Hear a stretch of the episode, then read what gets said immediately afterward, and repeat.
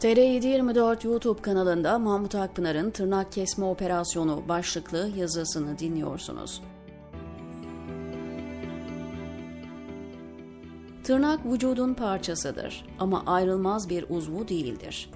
Tırnaklar ele, parmaklara, kavrama, tutma noktasında güç verir.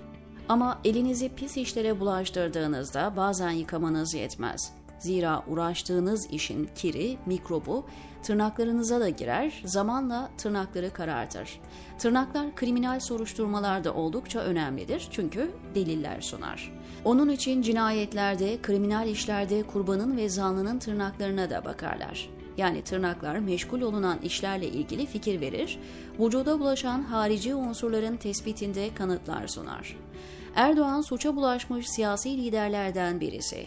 Yolsuzluk, usulsüzlük, illegal işler konusunda elinin uzanmadığı yer yok. Ama her kriminal kişilik gibi kirli işlerinde taşeronlar, eldivenler kullanıyor. Ülkeyi soyar ama çaldıklarını bazı katırlara taşıtır, riski başkasına yükler ülkenin en büyük ihalelerini alan, sık sık vergi affına muhatap olan Beşli Çete'nin gerçekte Erdoğan için çalışan taşeronlar olduğu ifade edilir.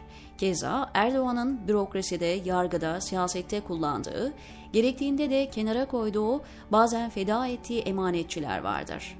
Binali Yıldırım İstanbul Belediyesi'nden bu tarafa Erdoğan'ın kirli işlerini yürüten ve risk üstlenen taşeronlardandır fazlaca kirlendiğini ve çok delil bıraktığını düşünmüş olacak ki 15 Temmuz'da onu feda edip hem delilleri yok edecek hem de 15 Temmuz tezini güçlendirecekti. Ama kader Binali Yıldırım'ı poso olarak atılmaktan korudu. 30 yıldır beraber yürütülen akçalı projeler nedeniyle Binali Yıldırım servetiyle dünyada sıralamaya girecek durumda.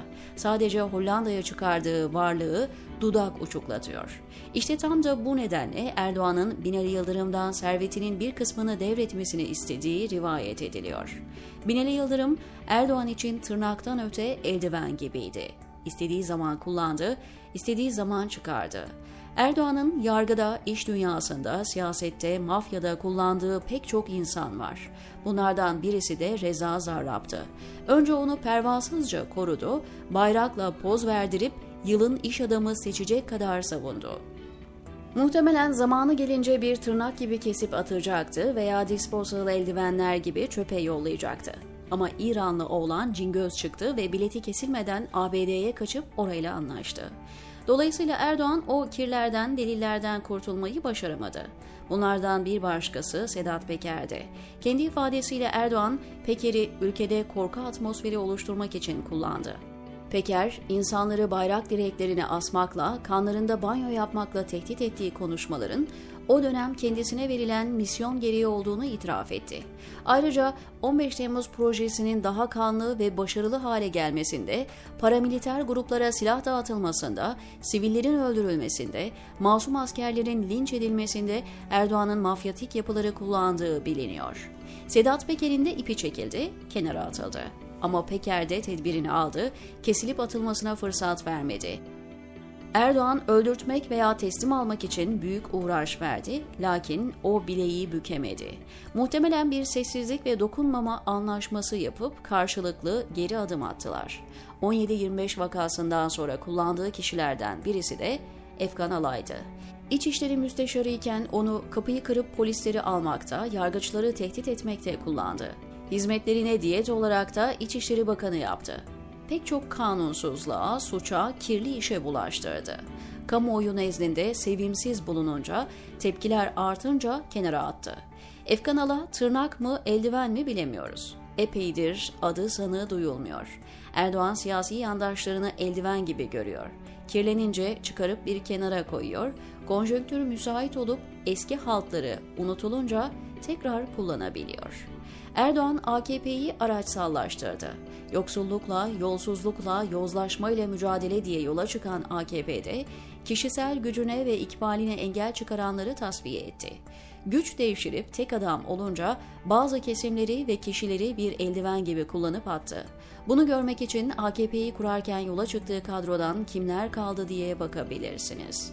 Son günlerde Ayhan Bora Kaplan isimli Ankara'yı haraca bağlamış, yargıyla polisle birlikte çalışmış bir mafya liderine yapılan operasyon gündemi meşgul ediyor.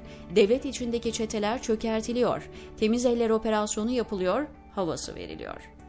Bu kişi Süleyman Soylu'nun İçişleri Bakanlığı döneminde palazlanmış, polis müdürlerini satın almış, Ankara Başsavcısıyla kanka olmuş, yargıçlara rüşvetler dağıtmış ve başkentte illegal bir düzeni kurmuş.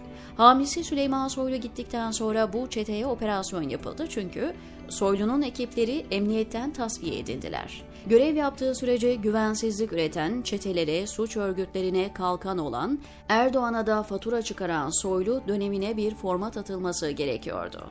Soylu yeterince kirlenmiş bir eldivendi ve Erdoğan onu da çıkarıp attı.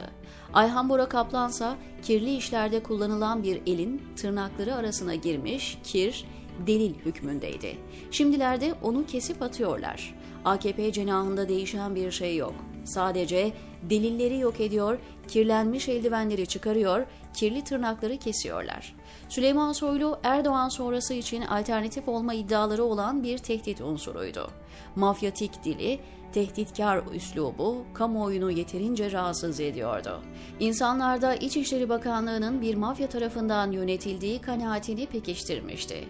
Erdoğan, Süleyman Soylu'yu yargıyı teslim almakta, insanların malına mülküne çökmekte, Kürtleri sindirmekte, liberalleri tehdit etmekte, korku üretmekte çok efektif kullandı. Geçen zaman içinde Süleyman Soylu iktidarına zarar veren bir noktaya gelmişti.